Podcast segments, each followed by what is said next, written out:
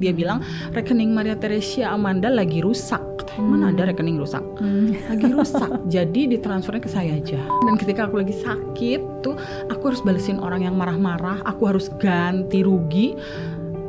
Bayangin ya, uang nggak dapet, tapi aku harus keluar lagi produk untuk tetap ngirim ke orang itu. Sedikit demi sedikit gitu. Recovery. Recovery.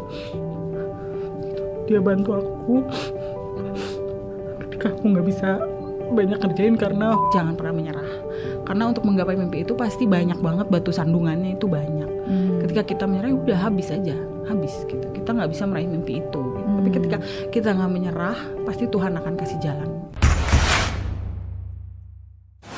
Kegagalan bukan akhir dari segalanya, kesuksesan juga tidak selalu ada selamanya. Suka duka silih berganti, tapi kemauan dan keyakinan untuk terus melangkah itu yang harus dimiliki. Dan di Zero to Hero hari ini, special edisi Kartini sudah kami hadirkan sosok wanita yang luar biasa. Ini merupakan Kartini Modern Indonesia, Mbak Amanda Hartanto. Halo. Hai.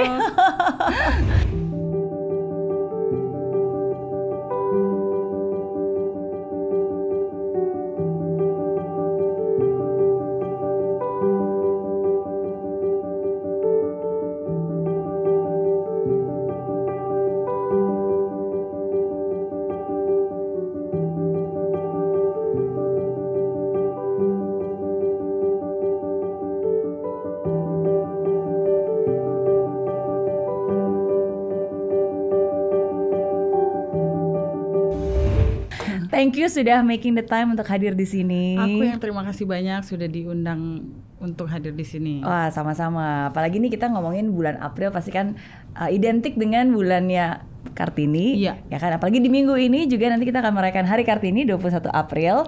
Ya, dan hari ini Mbak Amanda udah tampil. Wow, ini anggun cantik luar biasa. Bukan hanya sosoknya yang anggun dan cantik ya, tapi karya-karya juga anggun dan cantik, merepresent uh, sosoknya juga. terima kasih Nah, oke, ini by the way ini desain sendiri ya batiknya ya? ya Hmm, oke. Jadi Mbak Amanda ini desainer bukan hanya mendesain uh, gaun atau baju saja, tapi bahkan batiknya juga didesain sendiri. ya betul Hmm, oke. Aw- uh, gimana nih awal mulanya uh, tertarik untuk terjun ke dunia industri kreatif dan khususnya mendesain gaun dan juga mendesain batik? Hmm, awal mulanya ya. Jadi dari awal itu sebetulnya eh, pada saat aku mau masuk kuliah S1 Mhm. itu dulu memang aku dari kecil suka gambar Hmm. kayak gitu segala macam. Terus akhirnya pengen banget bercita-cita untuk masuk ke ITB. Mhm. ITB kan susah ya untuk masuk sana gitu ya. Negeri bagus terus pengen banget masuk seni rupa gitu.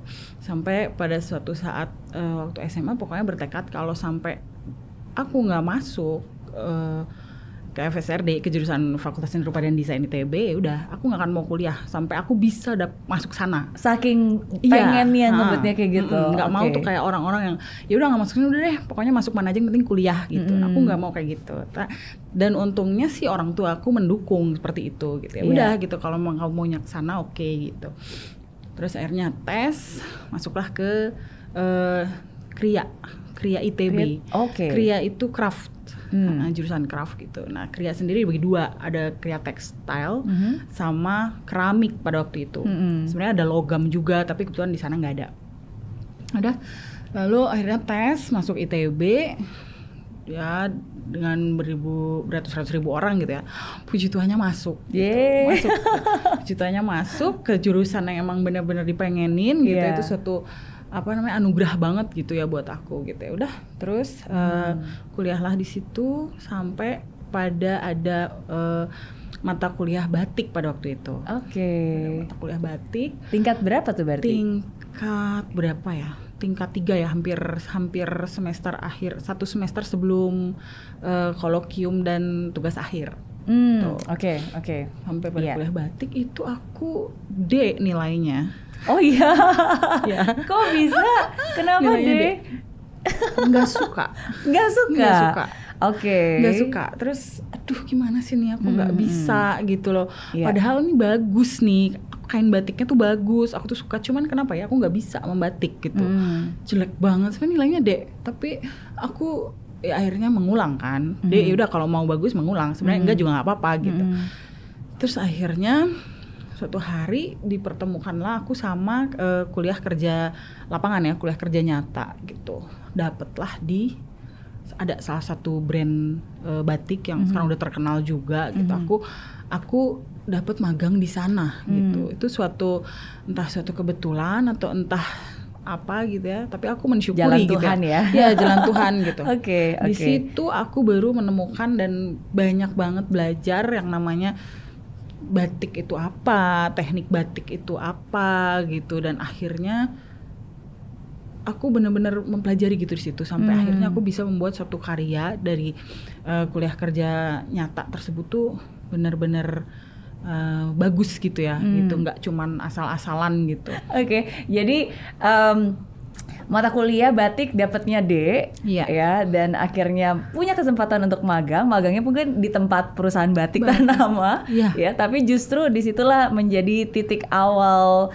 perjalanan betul. jatuh cinta ke dunia batik Iya -hmm. betul dari situ aku belajar banyak teknik batik ya karena hmm. di sana ya aku uh, magang sebagai desainer batik hmm. jadinya mau nggak hmm. mau kan aku kan tekstil okay. jadi uh, banyak banget aku langsung terjun gitu ke pembatik gitu membatik sendiri apa milih cap milih bikin motif tulis dan lain sebagainya hmm. mewarnai uh, mencelup gitu semua teknik aku pelajari gitu sampai hmm. akhirnya pada waktu itu uh, pemiliknya berkata bahwa kamu habis magang nanti langsung masuk kerja di sini aja ya gitu ya, hmm. habis habis lulus gitu ya hmm.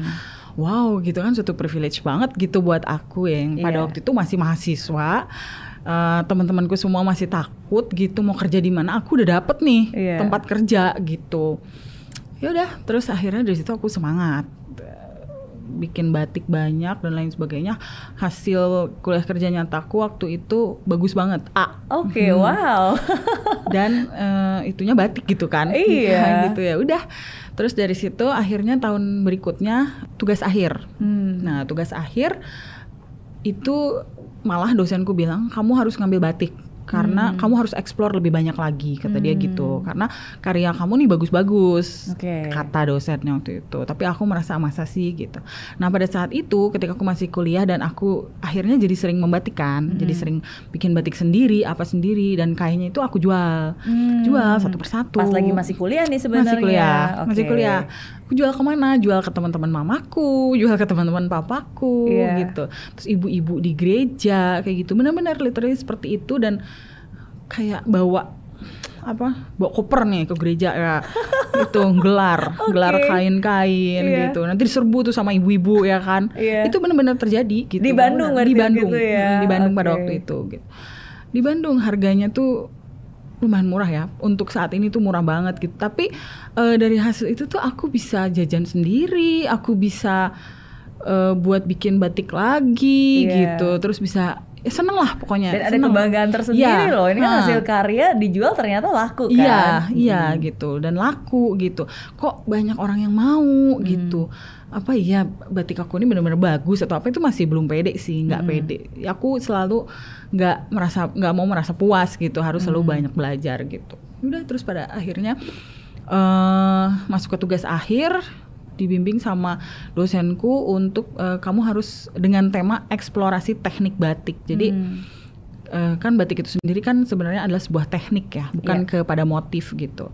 Teknik di mana kita membuat suatu motif pada kain dengan menggunakan canting dan malam. Hmm. Jadi banyak orang-orang yang suka kadang orang awam yang nggak ngerti semua yang bermotif batik itu disebut kain batik, padahal bukan. Oke. Okay.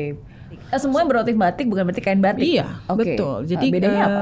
Bedanya, hmm. batik itu sendiri berasal dari kata amba dan titik. Hmm. Amba itu hamba, titik itu menitik. Hamba menitik. Jadi oh. uh, hamba membuat titik-titik motif di satu kain sehingga membentuk satu kesatuan motif yang cantik menggunakan canting dan malam wax. Oke. Okay. Jadi batik itu harus ada waxnya. Jadi kalau misalkan kainnya itu bermotif batik tapi dia dengan proses printing, hmm. itu namanya bukan batik. Hmm. Itu tekstil bermotif batik. Karena okay. batik sendiri itu adalah teknik Iya. bukan motifnya gitu. Iya iya dan ada proses yang pastinya panjang dan butuh ketekunan Yes, karena itu ya betul. tadi kan hamba Menitik, menitik iya. gitu. Betul. Oke, wow that's new. Aku baru tahu meaning. Iya, ya, di meaning balik itu. biasanya kita cuma taunya on surface. Oh pakai batik, padahal kan sebenarnya uh, motifnya Iya, aja mm-mm. printnya ya. Ada sampai Hmm. orang bilang ini motifnya batik padahal cuma bunga-bunga aja gitu. gitu. Tapi memang Oke. eh, ya kalau orang awam mungkin memang ada yang nggak tahu gitu prosesnya itu seperti apa gitu. Iya iya. Makanya suka bilang "Oh, mahal banget sih gitu. Karena prosesnya, Prosesnya. memang lama dan memang penuh filosofi gitu. Hmm. Ya, dan berarti akhirnya eh, eh, lulus dan bukan hanya lulus dengan nilai yang baik, tapi sebenarnya dalam proses menuju lulus itu pun juga sudah buat karya dan karyanya pun juga sudah terbukti banyak peminatnya. Berarti pada saat itu ya. Iya. Mm-mm, Iya. Ada bedanya nggak sih kan? Kan kalau tadi Mbak Amanda bilang pelajaran secara teorinya pasti kan diajarin nih di mata kuliah. Um, waktu itu dapat nilai D, tapi Iya. begitu di aplikasi di realnya itu bahkan dapat nilainya A. Sebenarnya apa yang membedakan atau sebenarnya berbeda nggak sih apa yang benar-benar dipelajari secara struktur uh, universitas dan in the real application itu sama atau beda? Kan kalau misalnya berbeda seberapa bedanya? Sebetulnya kalau literlek semua sama ya, sama gitu bahwa yang diajarin tuh seperti ini gitu. Batik adalah ini ini ini. Tapi pada kenyataannya dan aku sendiri adalah tipe orang yang belajar itu harus melakukan. Jadi nggak cuman baca eh, mencoba mengerti, tapi aku harus terjun melakukan sendiri. Hmm. Aku baru ngerti, aku baru bisa oh begini ya, oh begini ya. Dari situ aku baru bisa explore. Ya. Tapi kalau kita cuman eh, jadi aku nggak textbook banget orangnya Iya. gitu. Kan ada yang orang dengan membaca aja itu dia bisa mengerti, dia bisa memahami gitu. Kalau Iya. aku nggak, aku harus mencoba. Hmm. Aku harus membuat gitu. Ketika membuat, oh gue tahu ini gue salahnya di sini. Hmm. Oke, harus bikin lagi yang lebih bagus gitu. Hmm. Jadi nanti membuat yang kedua tekniknya aku ganti deh harus seperti ini, harus seperti ini dan Hmm. akhirnya explore kan. Ya. Nah dari explore itu baru kita ngerti dan akhirnya bisa explore lagi, explore lagi dan explore lagi dan ternyata sangat luas gitu. Dan ketika aku waktu itu belajar itu mungkin aku orangnya memang gak suka textbook gitu. Hmm. Jadi ketika diajarin ini tuh aduh apa sih ini boring banget gitu. gitu Iya lebih baik langsung ngelakuin Iya, aja kalau gitu gitu kan. aku senang gitu. Iya iya. Oke. Nah tapi tidak hanya berhenti belajar dari ITB saja, bahkan bisa lanjut belajar di Thailand, Iya. Iya, itu belajar desain juga. Iya, jadi aku dapat eh, ketika itu sudah bekerja, Hmm. sudah bekerja di perusahaan yang waktu itu aku magang. Hmm. Terus nggak lama aku pindah kerja di media, Hmm. jadi fashion stylist sempet, tapi cuman dua atau tiga bulan. Akhirnya keterima beasiswa untuk S2 Hmm. dari IT- ITB juga gitu. Nah, keterima beasiswa, terus akhirnya ada pertukaran pelajar ke Bangkok, ke Kasetsart Sart University pada waktu itu gitu. Ya puji Tuhan banget gitu ya. Eh, di sana aku banyak belajar tentang fashion branding Hmm. dan merchandising Oke. which is aku ngerasa senang karena wow kalau misalkan ini mau membangun bisnis itu udah ada nih bekalnya sedikit Iya. untuk bikin brandingnya dulu deh yang penting gitu Hmm. untuk skillnya udah adalah sedikit tinggal dipoles-poles gitu ya udah eh, nggak lama kok belajar di Thailand itu hampir tiga bulan kalau nggak salah tapi dari situ banyak banget yang aku bisa dapet dan eh, aku bersyukur banget gitu bisa dapat kesempatan itu ya dari situlah aku setelah lulus di S2 aku membangun brand batik ini Oke. Dan akhirnya terciptalah atau terlahirlah Amanda Hartanto Batik. iya Oke. Eh, berarti tahun berapa tuh? 2013 akhir 2014 awal 2014 awal. Iya. Oke oke. Tapi sebenarnya berarti em, proses menuju ke sana eh, sudah pernah mencoba karena saya pernah dengar waktu itu sebenarnya sempat buat bisnis dan akhirnya sempat pernah ditipu. Itu berarti Iya. sebelum atau sesudah? sesudah sesudah 2014 Sesudah 2014. Oke, oke. Oke. Gitu. Oke, so maybe tell me more about the process eh, akhirnya memutuskan untuk membuat Amanda Hartanto Batik. Mm. Eh, ya, jadi prosesnya adalah aku tipe orang yang nggak bisa kerja di tempat orang. Jadi aku nggak bisa kayak di bawah tekanan. Aku pengen belajar untuk harus explore lagi, explore lagi gitu. Eh, jadi pada saat itu akhirnya aku memutuskan dengan modal sedikit gitu ya. oke aku putusin untuk membuat brand em, Amanda Hartanto batik ini gitu modal sedikit dari ya dari yang aku jual-jual batik itu gitu terus ditambahin sedikit sama orang tua aku akhirnya aku eh, meluncurkan lah si brand Amanda Hartanto batik ini. Nggak sendiri aku ada temanku yang sampai sekarang juga masih bareng sama aku bantuin gitu. Eh namanya Dies gitu. Hmm. nah jadi dari situ kita cuma berdua ke mana-mana berdua gitu. Cari kain cari batik terus eh, akhirnya meluncurkan satu koleksi. Satu Hmm. koleksi sekitar 20 20 20 baju lah Hmm. terus oke kita harus photoshoot photoshoot juga seadanya Hmm. Eh, cari apa cari fotografer gratis Mhm. gitu yang mau barter deh Kolaborasi ya, barter iya, ya kan iya.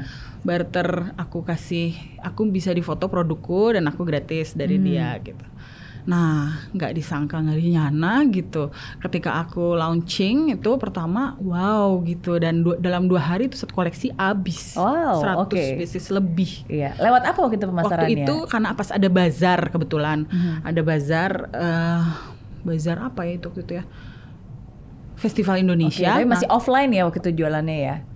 Offline dan udah langsung di Instagram tuh. Dan Koleksi Instagram itu udah di juga. Instagram, cuman Hmm. dari Instagram masih belum ya followersnya baru ratusan, baru 100 200 berapa lah gitu. Hmm.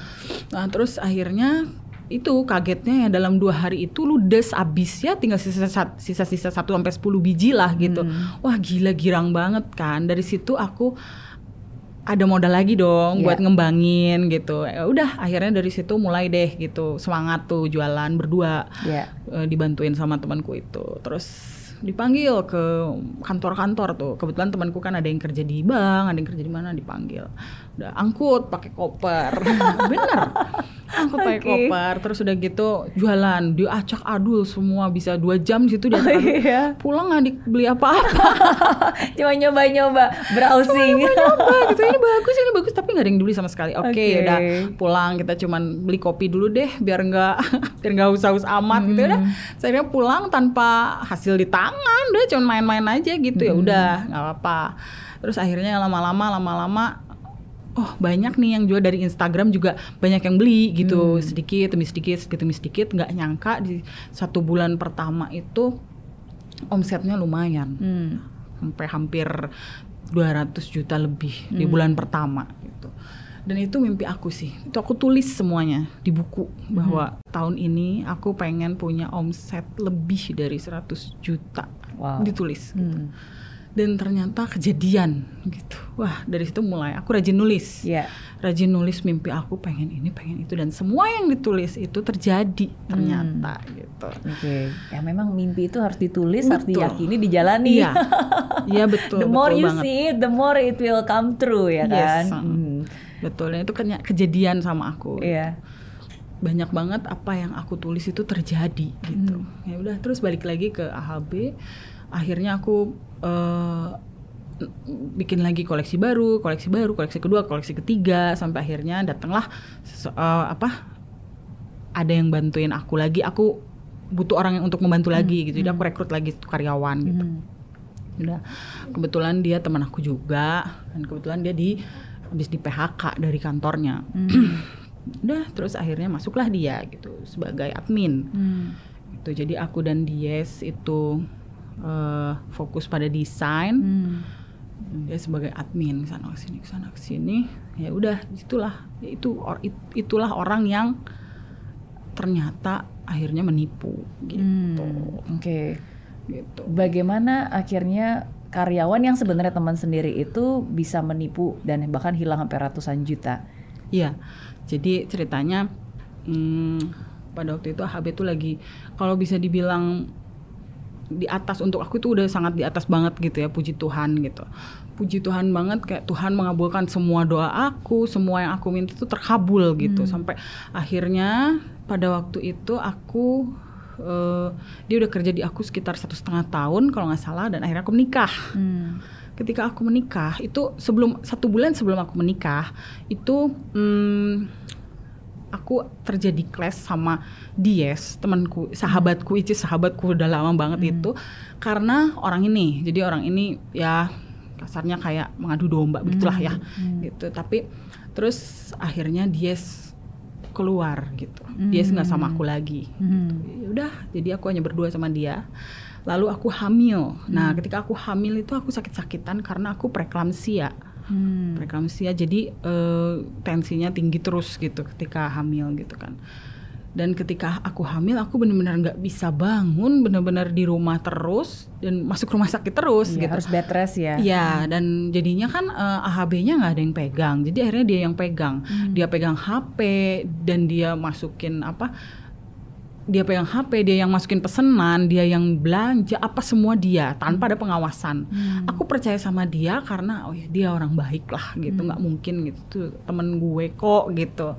Dia orang baik gitu. Ya udah hmm, dari situ, tapi aku merasa ini kok eh semakin lama kok semakin susut ya uangnya kok nggak ada gitu. Dia selalu minta uang tapi kok uang nggak pernah masuk gitu ke rekening gitu. Sampai akhirnya eh, habis habis habis habis sedikit demi sedikit habis gitu. Tapi kok ini penjahit tuh nelponin terus ini yang punya ini gini nanya. Kadang suka masih tanya sama aku gitu. Siapa yang pesen? Nggak ada yang pesen kok gitu sampai pada akhirnya. Coba eh, aku minta handphone pesanan itu handphone Iya. admin lah. Iya. besok ya katanya gitu. Sekarang aja kata aku gitu.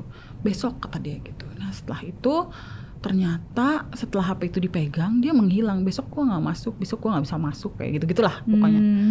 nah sejak pegang HP itu aku udah udah nggak enak feeling sejak pegang HP itu ternyata ada beberapa orang yang pesanan saya mana udah dua bulan kok pesanannya nggak nggak datang datang Wow. gitu Mbak, saya pesanan saya mana gitu. Banyak ternyata gitu.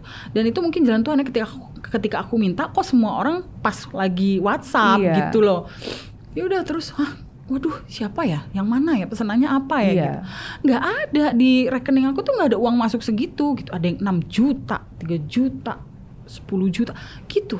Dan akhirnya aku eh, panggil, aku panggil print rekening koran kataku Hmm. gitu. Print rekening korannya dia ya. Sebenarnya itu rekening dia tapi mau nggak mau karena orang yang itu bilang di transfernya ke, Ke rekening, itu. orang Hmm. tersebut. Dia bilang rekening Maria Teresia Amanda lagi rusak. Katanya, Mana ada rekening rusak? Hmm. Lagi rusak. Jadi ditransfernya ke saya aja Oke. gitu dan setelah aku hitung-hitung waktu itu wah down banget ya udah udah hamil sakit-sakitan Iya. ditipu gitu uang habis AHB udah di ujung banget udah di ujung Hmm. tanduk lah kalau bisa dibilang bangkrut bangkrut itu pada waktu itu emang udah bangkrut sih kalau Iya, dan orangnya aku. kan taunya brandnya Amanda Hartanto, Iya. ya kan? Mesennya di sini kok nggak di deliver gitu. Hmm. Itu orang banyak banget yang marah-marah dan ketika aku lagi sakit tuh aku harus balesin orang yang marah-marah, aku harus ganti rugi. Bayangin ya, uang nggak dapet tapi aku harus keluar lagi produk untuk tetap ngirim ke orang itu gitu. Bahkan harusnya lebih karena aku udah mengecewakan dia gitu. Iya. Karena customers number one gitu kan. Ya udah dan dia cuman cuman bilang wah udah nggak tahu deh laptop diambil, dijual, itu bener-bener. Jadi setelah dihitung semua aku aku sama suamiku ngitung tuh yang ya hampir 100 jutaan Hmm. gitu. Udah dari situ aku udah kehilangan nama, namaku jelek di luaran gitu. Orang mungkin nggak mau pesen lagi gitu. Word of mouth kan bener-bener powerful banget gitu kan. Hmm. Ya udahlah aku pasrah aja. Yang penting aku sekarang udah mau fokus aja sama bayiku dulu deh gitu. Hmm. Ya karena itu juga ya aku stres akhirnya masuk rumah sakit terus gitu dan akhirnya melahirkanlah di bulan ke-8 karena wow. saking stresnya. Dan itu semua terjadi di proses sebenarnya lagi masih hamil ya, dan lagi mau melahirkan. Mm-mm, Oke, tahun gitu. berapa tuh? 2017. 2017. Hmm, 2017 itu kehancuran bisa dibilang itu tahun paling sulit banget ya buat aku gitu. Tapi akhirnya aku juga dapat hadiah dari anakku yang nggak ada yang sangat yang lahir dengan Wow, gitu, sempurna. Iya, tapi em, ya saya selalu percaya sih, maksudnya em, great blessings come with great persecutions kan. Maksudnya Iya. sometimes ketika em, kita dihadapkan dalam sesuatu hal yang sangat luar biasa, I know it's not easy karena we ya 2017 juga termasuk salah satu tahun yang sulit buat aku sebenarnya Iya. karena ya again maksudnya in business pasti kan ada yang namanya penipuan lah Betul. orang yang dipercaya ternyata uh, melakukan hal-hal yang Iya. kita nggak pernah bayangkan dia bakalan punya hati untuk melakukan hal seperti Iya. itu dan seterusnya ya tapi you know what itu ya akan menjadi batu loncatan bahwa Tuhan ingin membawa kita lebih tinggi lagi dan lebih baik lagi dan lebih banyak Betul. blessings lagi dan akan jadi cerita yang suatu saat nanti bisa menguatkan banyak orang juga yang mungkin pernah mengalaminya Iya. gitu Ya. Blessing in disguise. blessing in ya. disguise. Okay. So, but the big question is how do you bounce back? Bagaimana di saat yang seakan-akan semua sudah runtuh, uh, nama baik yang sudah dibangun ternyata dipertanyakan gara-gara banyak orang order tapi ternyata nggak masuk, ya kan? Terus udah gitu juga ada in, in your private life juga uh, sulit karena lagi melahirkan, udah gitu Iya. ditipu teman, hancur dari segi uang juga, dari segi hati. Tapi bagaimana Mbak Amanda bisa menata itu kembali dan bangkit lagi? Iya. Satu sih jawabannya semua karena Tuhan. Mhm. Karena Tuhan ya aku jadi kuat ya dan eh untungnya gitu aku dikasih suami bener-bener yang bisa support aku full gitu ya. Hmm. Bukan hanya soal materi tapi soal semuanya gitu. Dia nggak pernah menuntut apa pun, dia selalu ada, dia bisa menenangkan aku kapan pun aku. Kalau nggak ada dia mungkin aku udah hancur deh, udah hancur aku udah masukin tuh orang ke penjara dan lain sebagainya gitu. Tapi untungnya suamiku tuh tipe orang yang bisa berpikir jernih gitu. Kalau aku kan mungkin lebih emosional ya, mungkin aku perempuan juga gitu. Dan aku bisa meredam itu semua gitu. Aku bisa meredam, akhirnya aku bisa tenang dan lain sebagainya. Dukungan dari suamiku, orang tuaku, anakku gitu yang bisa bikin aku kuat gitu ya. Hmm. Cepet nangis. ya udah. Terus akhirnya hmm, berusaha bangkit lagi. Hmm.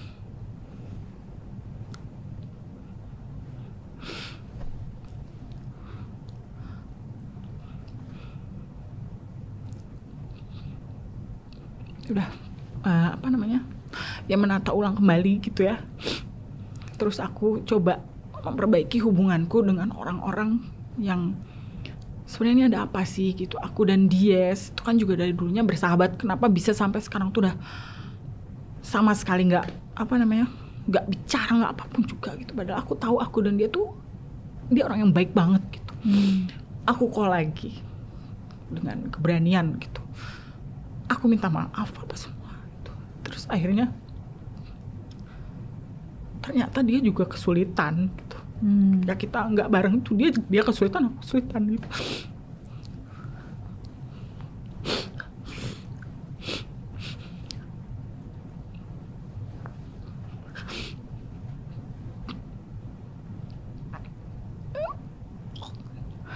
Udah.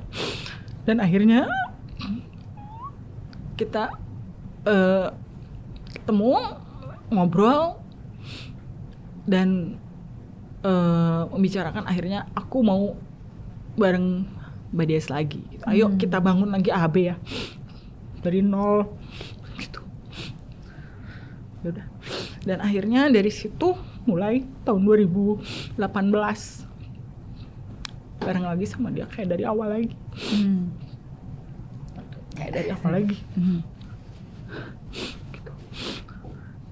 Tapi kan keadaannya sekarang udah berbeda ya. Aku udah ada keluarga, Iya. gitu udah ada anak, gitu. tapi ya eh, sedikit demi sedikit gitu recovery, Hmm. recovery. Dia bantu aku ketika aku nggak bisa banyak kerjain karena fokus sama anak Hmm. Dia bantu mengerjakan gitu dan ada satu satu karyawan lagi gitu satu desainer lagi gitu. Yang sampai sekarang juga masih ada bareng sama aku gitu. Dan mereka semua tuh orang yang bisa dibilang apa ya setia dan sport sportif banget gitu. Apa pun keadaannya gue sama lo gitu sebetulnya gitu. Cuman mungkin aku dibutakan oleh apa waktu itu sampai akhirnya aku sama dia bisa clash seperti itu gitu. Iya. itu sedih banget sih sebenarnya. Itu harta yang sebenarnya nggak bisa nggak bisa aku ganti dengan apa pun ya gitu. Dengan uang pun nggak bisa gitu. Orang-orang yang menurut aku selalu ada untuk aku mensupport aku apa pun keadaannya gitu. Ketika aku nggak punya pun dia masih ada sama aku gitu. Itu sih gitu Hmm. Dan aku waktu itu sempat kehilangan juga gitu kan. Yaudah, akhirnya aku menata kembali, membuat uh, ya, AHB is back gitu yeah. tahun 2018 gitu. Dengan apa segala sesuatunya yang lebih matang, dengan modal awal lagi, modal awal lagi. Gitu. Iya. Nol bahkan minus kan tapi untungnya aku berusaha untuk duh jangan sampai dia aku punya utang keluar gitu yeah. ya udah akhirnya dibantu sama suamiku dibantu sama papaku didukung semua orang mendukung gitu udah akhirnya aku bangkit kembali di tahun 2018 hmm. sampai sekarang gitu hmm. ya, sedikit demi sedikit mengembalikan kepercayaan orang yang gak mudah gitu ya yeah. gitu tapi akhirnya ya bisa seperti sekarang ini gitu Hmm. Pada akhirnya semua pasti akan baik-baik saja. Iya. Bahkan betul. semua akan lebih baik daripada keadaan yang iya. sebelumnya.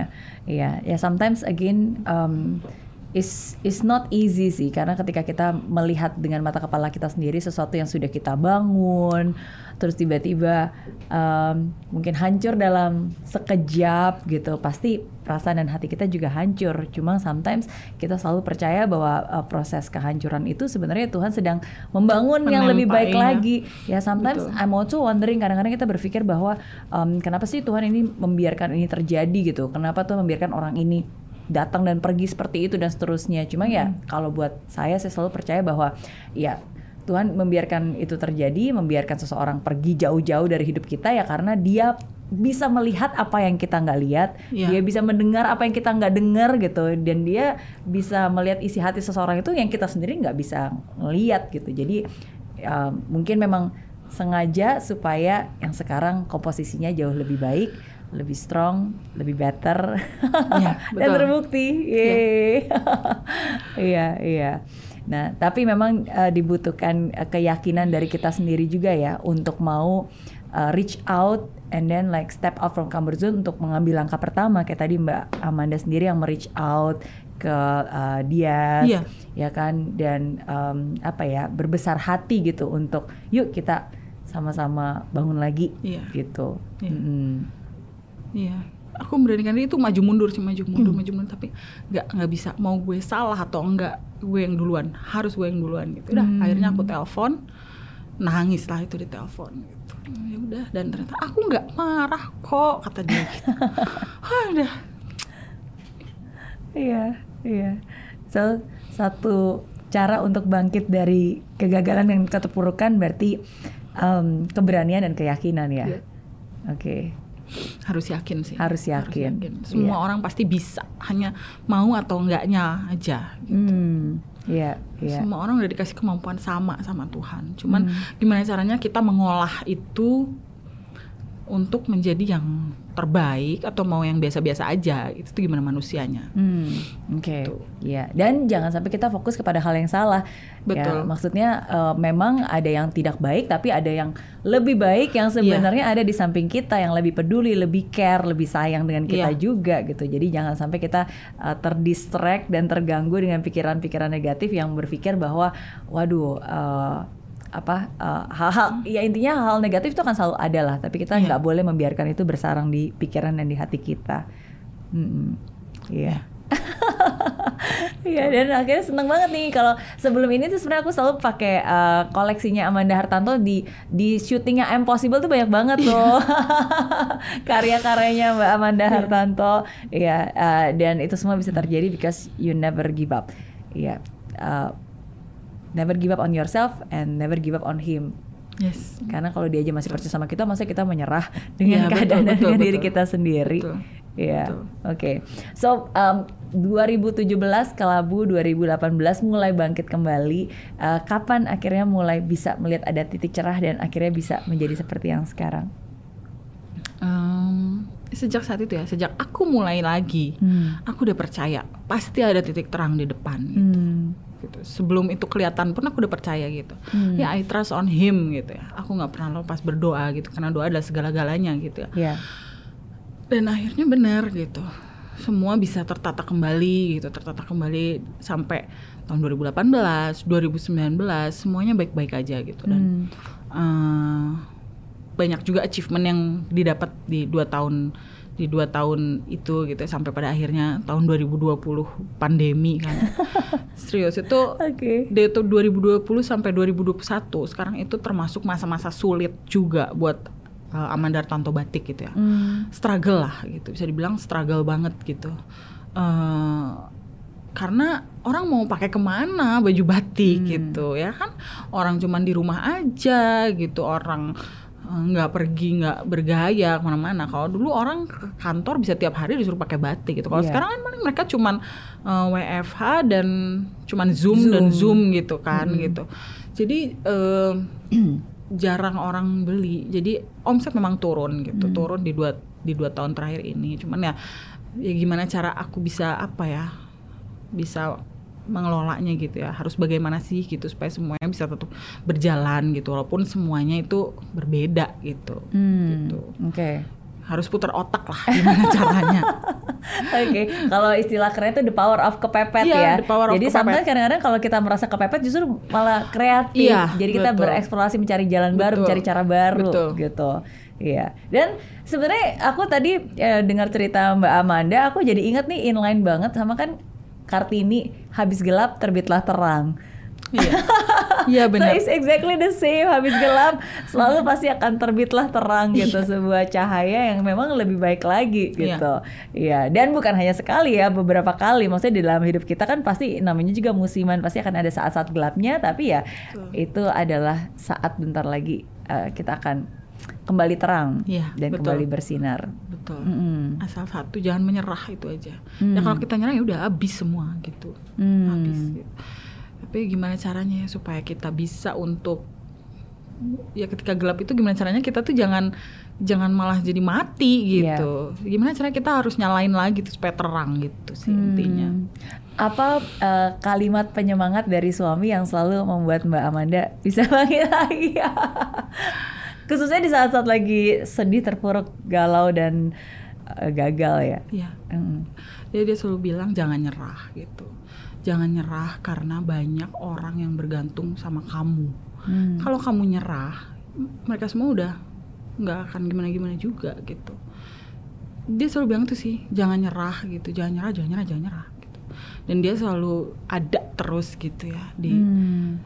Selalu ada terus gitu mau apa pun. Karena dia tuh pasti selalu ada selalu mendengarkan dan selalu bisa menjadi penenang gitu buat aku ya. Mungkin kalau nggak ada dia mungkin aku udah ke mana kali gitu. Jujur karena aku orang yang uh, apa lebih pakai emosi aku gitu. Nggak bisa berpikir jernih Iya. terkadang gitu. Tapi ya dia bisa meredam itu semua gitu. Dia selalu cuman selalu bilang ketika aku seperti ini "Hmm, nggak boleh nyerah harus tetap dijalanin gitu Hmm. gitu kalau misalnya aduh apa ini udah tutup aja ya kan suaminya nggak nggak bisa katanya kalau kamu tutup itu semua yang yang kamu hidupi saat ini tuh mau makan pakai apa kata dia Hmm. gitu Oke. gitu kita harus cari sampai ke mana pun supaya mereka tetap bisa makan gimana caranya gitu. Ya, ya, karena ya again itu bukan hanya kita bertanggung jawab atas di- diri Iya, kita sendiri ya, betul. tapi kan ada juga orang-orang yang memang juga mempercayakan hidupnya, Iya, mempercayakan menggantungkan hidupnya nasibnya sama aku dengan gitu. kita, betul. gitu Betul. makanya itu aku nggak pernah nyerah gitu Hmm. itu sih yang bikin aku tetap semangat Iya, dan terbukti bukti ada salah satu em, koleksi juga yang dalam waktu berapa Eh, sebulan terjual bestsellernya nih lebih dari 200 desain eh 200 pieces, ya. itu Luna Blazer Luna Blazer. Ya, itu lebaran tahun 2019 Iya, iya. Oke. sampai sekarang masih Masih tetap selalu ya. iya. Oke. Apa sih yang membuat eh, desain dari Amanda Hartanto batik itu unik? Ehm, sophisticated ya dalam artian satu desain itu bisa dipakai ke mana aja mau kerja bisa mau ke mall eh, casual bisa. Mau ke pesta tinggal ganti aja sepatunya gitu. Tinggal pakai aksesoris gitu bisa gitu. Jadi aku selalu membuat desain itu satu baju itu one for all gitu bisa dipakai ke mana aja gitu jadi lu dengan beli satu baju tuh nggak cuma buat satu occasion aja tapi Iya. bisa untuk semua occasion gitu Oke. tinggal di mix and match aja gimana caranya. Iya, iya. Seperti contohnya sekarang dipakai ini. Oke, cantik, simple, elegan. Mau dipakai ke pesta bisa, mau dipakai eh, apa eh, formal juga Yes. bisa.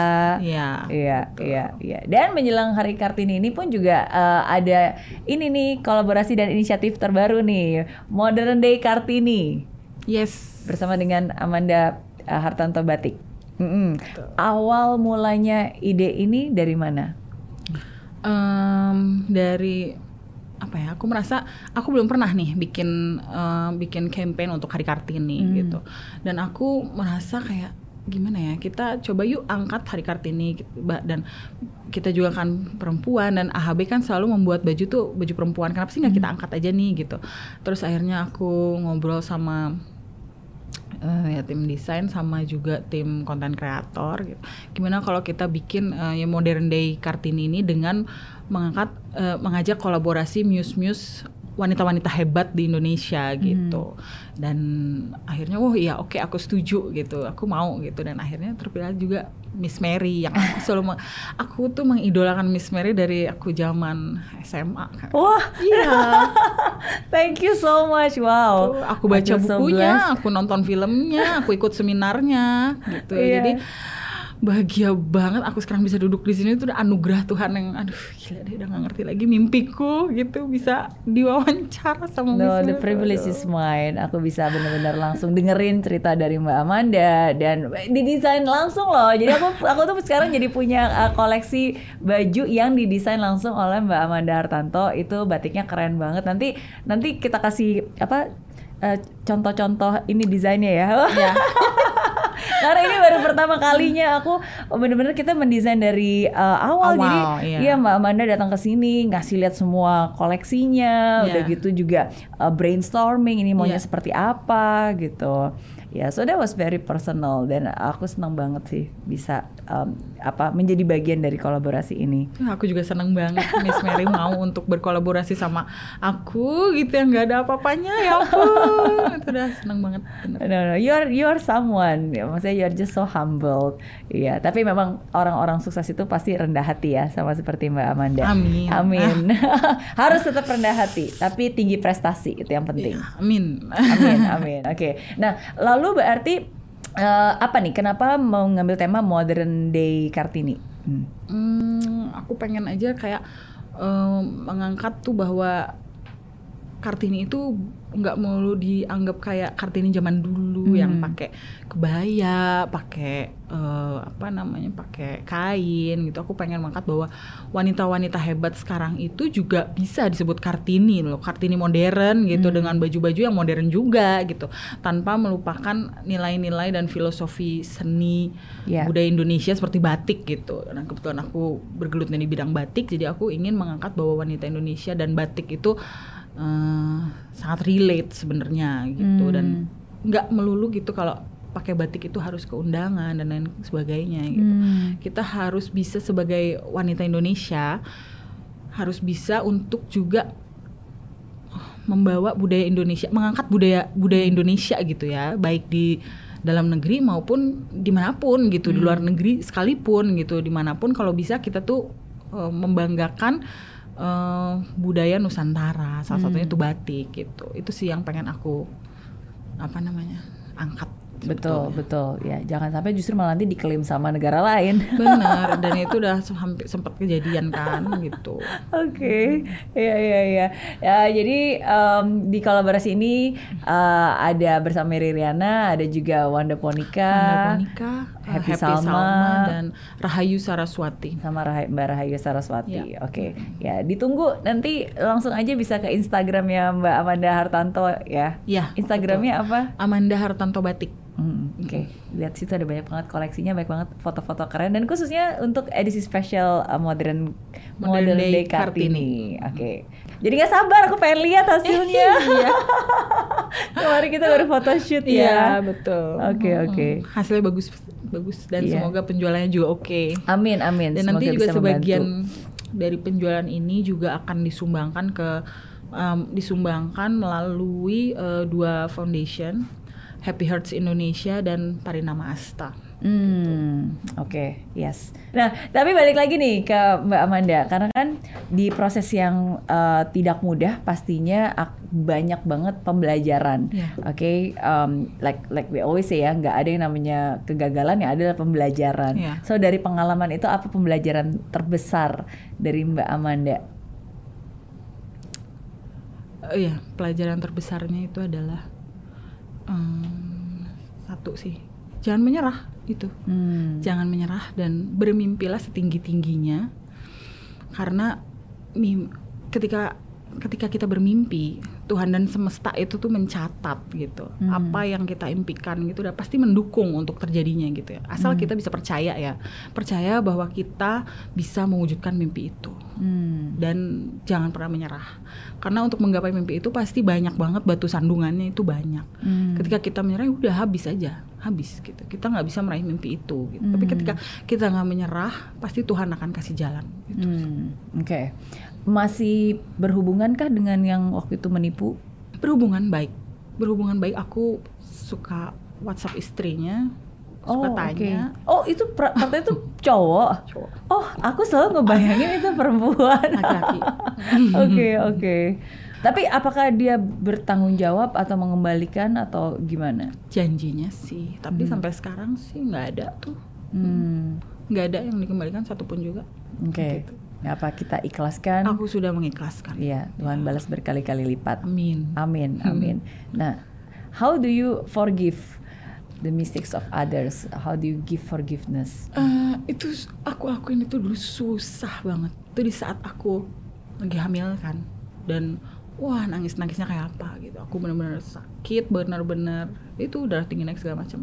Aku bilang aku nggak bisa maafin, aku nggak bisa maafin. Tapi pada akhirnya ya berkali-kali lagi suamiku, mamahku, papaku selalu bilang bahwa ikhlas, ikhlas dan ikhlas gitu. Ya ketika aku ikhlas agak lama sih prosesnya untuk ikhlas gitu ya. Eh, berdoa terus gitu. Sampai akhirnya aku ikhlas. Ya udah. Malah aku bantu sempat membantu pada saat aku sedang kesulitan itu dan dalam keadaan aku ditipu oleh dia gitu ya. Tapi istrinya minta uang susu buat anaknya ke aku. Hmm. Aku lagi nggak punya pada saat itu. Uangku bisa dibilang nol gitu ya. Tapi aku kasih. Aku kasih. Aku dan suamiku kasih. Ya udah gitu. Udah. Gitu. Hmm. I give her gitu. Udah. Nggak minta balasan apa apa, nggak nggak nggak gimana gimana. Tapi eh, ya udah hanya terima kasih udah sampai segitu aja dan sampai sekarang aku masih suka nanya dong. Aku selalu yang nanya duluan. Apa kabar? Baik. Gitu. Wow. Mhm. Aku selalu nanya duluan kok. Dan entah itu di message di Facebook atau di WhatsApp gitu. Dia jawab, baik ndak gitu. Kamu apa kabar? Kayak gitu. ya udah baik. Aku udah nggak pernah nagih, nggak pernah apa udah gitu. Aku udah ikhlas, sudah itu itu bukan milikku lagi gitu. Iya. Udah Iya. gitu. Jadi ya udahlah berbaik-baik ya ya berbaik sangka aja Iya. sama dia. Mungkin dia nggak punya uang, belum punya uang untuk bisa melunasi atau mencicil gitu. Sudah gitu. Iya, iya. Selalu berbaik sangka, Iya. berbaik sangka kepada orang, berbaik sangka kepada Tuhan, Iya. ya kan, berbaik sangka terhadap apa pun kesulitan yang sedang terjadi gitu, ya. Karena Iya. pada akhirnya, ya again, maksudnya Tuhan itu jauh lebih tahu Iya. dan sebenarnya dia juga sudah eh, tahu bahwa ini akan terjadi gitu dan dia membiarkan ini terjadi karena dia pasti akan ada hal yang jauh lebih baik lagi. Iya, ini pasti kan semua seizin Tuhan kan. Hmm. Untuk apa Tuhan mau itu terjadi sama aku gitu. Pasti Tuhan mau supaya aku bisa menjadi orang lebih kuat gitu. Hmm. Ketika aku dapet cobaan yang lebih mudah dari itu, wah cemen lah gitu. ya kan pasti Tuhan Iya, maunya iya, gitu iya. gitu. Itu Betul, hal betul. terberat buat aku sih waktu itu Betul, dengan betul. keadaan aku yang lagi hamil dan sakit-sakitan gitu ya. Iya, iya. And again makanya kan in uh, every great blessings pasti comes with a great persecutions kan Iya. supaya Tuhan pengen melihat ini kamu sanggup nggak sih untuk bisa uh, apa menerima uh, anugerah yang besar ini karena ya Iya. kalau kita aja hatinya masih belum sebesar itu ya kita nggak akan bisa menerima anugerahnya juga Iya betul, Mm, betul. gitu ya it's not easy ya tapi ya faith does not make things easy kan but Yes. faith will make things possible Yes betul. amin Amin, amin. Oke, alright. Nah, jadi kalau Mbak Amanda sendiri nih berarti emang udah cita-cita dari awal pengen jadi desainer dari kecil. Dari kecil aku suka gambar. Iya. Kebetulan papaku kan arsitek juga kan, Mm-mm. sering gambar. Tapi aku nggak suka tuh gambar rumah kayak gitu, nggak suka. Oke. Sukanya gambar yang perintilan-perintilan, apa motif-motif, bunga-bunga kayak gitu-gitu. Iya, iya. Pernah nggak sih kepikiran satu saat mungkin beralih dari batik atau mungkin bercabang dari batik? Enggak sih. Enggak ya.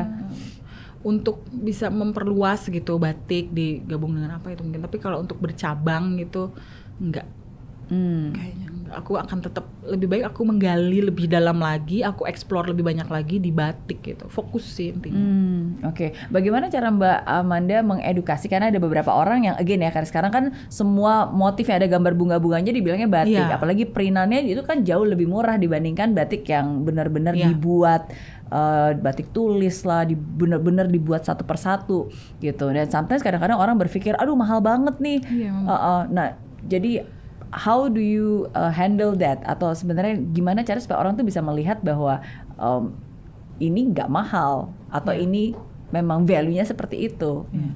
Aku selalu eh, ada kok beberapa banyak bahkan bukan beberapa aja gitu yang eh, apa namanya yang beli batik di aku tapi eh, nawar. Hmm. Nawar tuh selalu ada dan nawarnya tuh gila-gilaan gitu sampai yang eh tiga ratus ribu aja ya gitu. Aduh masalahnya bukan masalah aku nggak mau loh ya gitu. Tapi tahu nggak prosesnya ini tuh seperti apa kataku. Membatik itu suatu proses yang butuh waktu loh gitu. Eh, biasanya orang yang batik aja tuh harusnya puasa dulu dan lain sebagainya gitu. Filosofinya tuh dalam aku Hmm. bilang gitu. Untuk membuat satu kain aja tuh bisa mungkin bisa berminggu-minggu, berbulan-bulan gitu loh. Dan coba untuk dihargai prosesnya karena setiap motif pun juga biasanya nggak sama loh, walaupun itu senada misalkan gitu. Hmm. Tapi itu nggak sama sebetulnya gitu. Hmm. nggak ada yang bisa sama. Orang handmade yang buatnya juga bukan satu orang gitu. Dan handmade kalau bikin berkali-kali pun pasti ada aja yang metodenya atau yang apanya Hmm. gitu kan. Yaudah ketika dikasih tahu seperti itu ada yang bisa menerima, ada yang enggak gitu. Jadi ya terserah lah. Tapi aku selalu memberikan apa edukasi sedikit lah gitu kepada pembeli juga yang belum mengerti gitu ya. Hmm. Dan kalau yang sudah mengerti sih itu lebih gampang ya, karena mereka juga jadi menghargai gitu. Mau harganya mahal kasarnya, sebenarnya nggak mahal itu kok gitu. Jadi dia berani-berani aja bayar gitu. Itu kan Iya, sebenarnya nggak iya, mahal, iya. karena itu kan karya seni gitu. Betul betul. Pernah nggak sih yang udah benar-benar didesain sendiri sama Mbak Amanda, dibikin dengan hati, eh terus habis itu dijiplak dan di Pernah, apa? pernah, sering, dijiplak, di print dan dijual dengan harga yang jauh lebih murah. sering, sering, Aha. sering, sering. Ada beberapa dan itu tuh dia pembeli pembeli aku, pembeli apa? eh, terus-terusan beli dan ternyata dia beli itu untuk menjiplak. Oke. untuk menjiplak modelnya dan Hmm. bahkan kainnya dia buat juga gitu Hmm. yang mirip seperti itu dan dijual dengan harga yang jauh lebih murah gitu Hmm. wah itu gila sih terus ketahuan terus akhirnya Instagram aku diblok pas segala macam iya Oke. kayak gitu gitu dan ya udahlah aku pikir nggak masalah kok. Ya sekarang dulu awalnya aku ya aku jiplak tapi sekarang oke ya udah gitu. Namanya juga manusia di dunia ini plag- plagiat tuh pasti ada gitu Hmm. kan. Berarti ya ambil positifnya. Berarti aku udah bisa apa namanya ditiru orang berarti udah sekelas sama Louis Vuitton udah sekelas sama brand-brand luar yang ada KW-nya nih Ada berarti kan. Brand Amanda Hartanto Batik Iya, gitu. iya, iya. Yaudah santai aja jadinya sekarang Iya iya iya. udah sekelas itu berarti aku Oke, ya inilah selalu harus diambil positif ya. Iya. Betul, karena kadang-kadang kalau udah ada KWA-nya berarti kita berbangga lah, berarti at least kita sudah menjadi contoh walaupun itu bukan sesuatu yang positif ya, Iya, definitely ya. betul. Tapi kadang-kadang aku juga dulu pernah tuh pas lagi eh, waktu itu kan ada buku Mimpi Cita Dolar di Iya. mana-mana, tuh sering kali kayak di di lampu merah terus ada yang jualan tapi Iya, versi. KWA-nya. versi KW-nya Oke, iya. Tapi nggak apa-apa. Itu uh, at least, um, ya berarti kan kalau mereka mengikuti kita dan meniru, berarti kan kita di depan. Dan Iya. kita selalu, asalkan kita selalu bergerak dua tiga langkah di depan, ya is fine lah. Iya. Basically mereka akan selalu hanya mengikuti dari belakang. Mereka Iya. nggak akan bisa menjadi pemimpin yang ada di depan kan. iya benar Mm-mm, Iya, tapi ya, ya again, ya bukan berarti kita mempro pembajakan ya tetap nggak boleh, tapi jangan boleh. sampai justru kita malah eh, meluangkan waktu lebih banyak lagi untuk ngurusin yang hal itu, sedangkan kita kan harusnya lebih maju ke depan Iya, dan lebih fokus betul, dengan apa yang ada di depan betul, kita lah. betul Mm-mm. Iya. Iya, iya. Oke, oke. Berarti eh, terakhir nih karena Mbak Amanda kan dari tadi ngomongin tentang batik ya, karena saya yakin setiap batik itu kan pasti punya makna yang berbeda. Iya. Oke, nah sekarang kita pengen ngetes nih, ada beberapa jenis-jenis batik. Oke, tapi ini bukan ujian sih, ini cuma eh, apa namanya eh, gimmick aja. Oke, saya yakin pasti Mbak Amanda tahu. Waduh degan juga nih Kita tes ujian ya dia enggak enggak ujian. Oke, kita pertama dulu yang ini. Nah, ini. Ini Ya. bolak balik nggak sih sama ya? sama Oke, ini apa? parang rusak Yeay, terlalu gampang ya. Ini batik parang ya? Ya. Oke, batik parang tuh ada cirinya ya berarti ya? Ya, seperti itu. Kayak keris gitu ya. Kayak parang. Oh, kayak parang. Dan batik parang tuh ada Oke. bermacam-macam, ada parang rusak, ada parang mulyo, macam-macam Oke, bentuknya oke. gitu. Tapi intinya seperti itu Ini berjajar. berarti batik parang. Iya. Oke. Betul. Yeay. Yang ini. Sido Mukti. Wah. Kok tahu? Sidomukti itu apa maksudnya berarti? Sido Mukti itu biasanya dipakai untuk eh, pasangan menikah ya dari Solo. Oh, oke oke. Sido Mukti dan Sido Asih kalau yang itunya. Jadi Oke. maknanya tuh apa? Saling melengkapi, saling Oh. yang laki-lakinya eh, apa? melindungi perempuannya begitu. Iya, iya. Berarti wow. Kita yang make ya orang awam nggak tahu bahwa ternyata sebenarnya setiap motif ada ceritanya, ceritanya, ada, maknanya. Ada, iya. Oke. Duh, harusnya belajar dulu ya tadi. Yang ini yang ini. Nah. Sekar Jagat. Yeay, Bener. bener. Kok pintar banget ini nggak mungkin waktu itu dapet D nih kayaknya. Sekar Jagat, iya. Iya, Sekar Jagat ya. Iya. Betul. Sekar Jagat tuh apa berarti? Itu ya, jadi kayak Nusantara gitu ya maksudnya itu kan. Oh, warna-warni. Iya, dan ber- bermacam-macam. Beda variasi, Iya, bermacam-macam. Oke. Iya. Ternyata setiapnya ada maknanya. Nah, ini. Mega Mendung. Ini jago ini. Bener, Mega Mendung. Ya, itu khas dari Cirebon. Hmm. Hmm, dari Cirebon. Oke, ada berapa banyak batik sih sebenarnya di Indonesia? Mau dilihat dari segi apanya nih? Oh iya. ya, dari segi teknik ada dua, Hmm. batik cap dan batik tulis. Oke. Kalau tulis pakai canting, kalau cap pakai cap besi itu tembaga Hmm, dan pakai pakai malam juga sama. Kalau dari segi eh, motifnya ada ada motif geometris, ada Hmm. motif eh, bunga, ada motif non geometris gitu. Oke. Macam-macam. Macam-macam ya. Banyak sekali. Banyak beragam. banget. Oke, dan terakhir. Burung hong.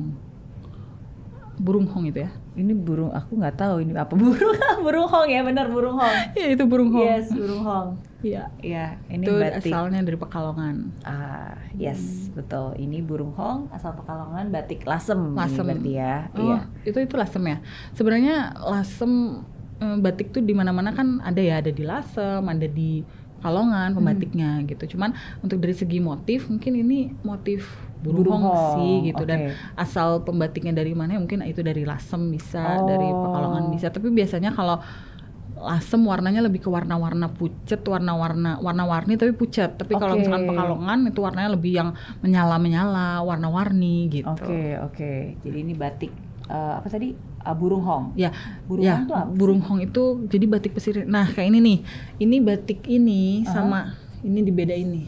Nah, ini Sekar Jagat. Nah, ini termasuknya batik keraton. Oke. Jadi dari keraton Jogja, parangan dari Jogja. Mhm.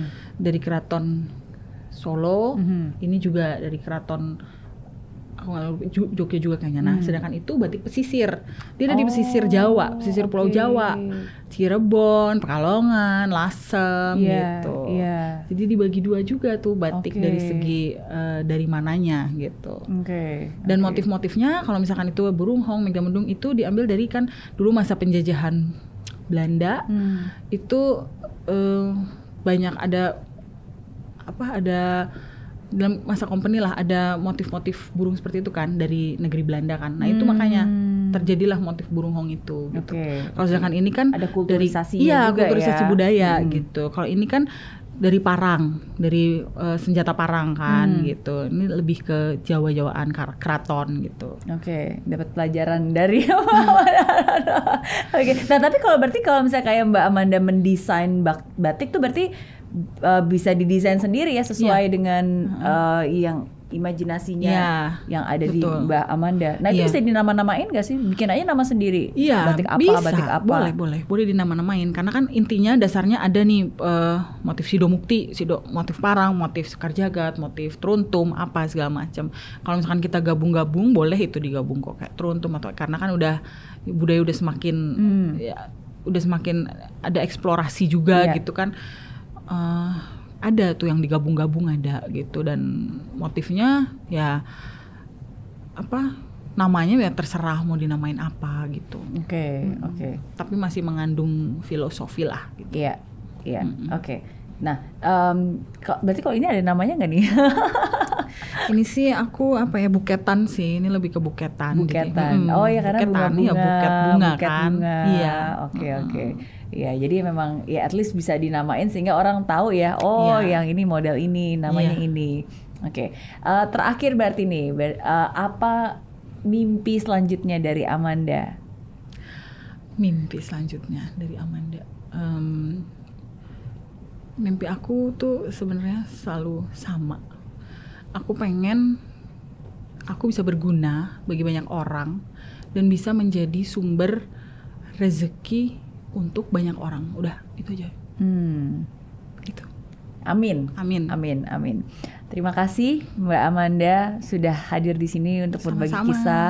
Terima kasih untuk selalu tidak menyerah dan akhirnya bisa menjadi Amanda Hartanto yang sekarang. Dan juga nanti pasti akan lebih baik lagi. Ya, terima kasih juga sudah menceritakan em, perjalanannya.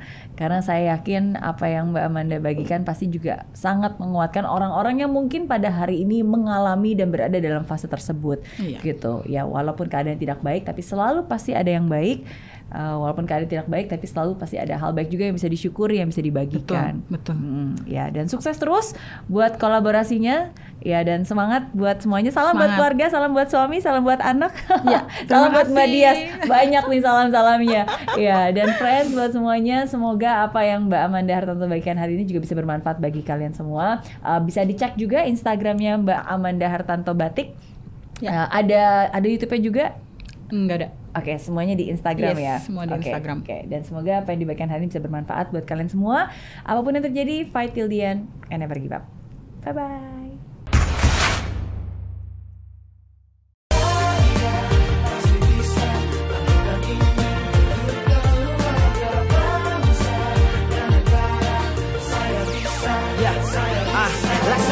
Tanpa hujan, hidup tanpa tujuan, kering dan mati tanpa hijaunya tumbuhan. Ah, demikian kalau mimpi tak kunjung terjadi.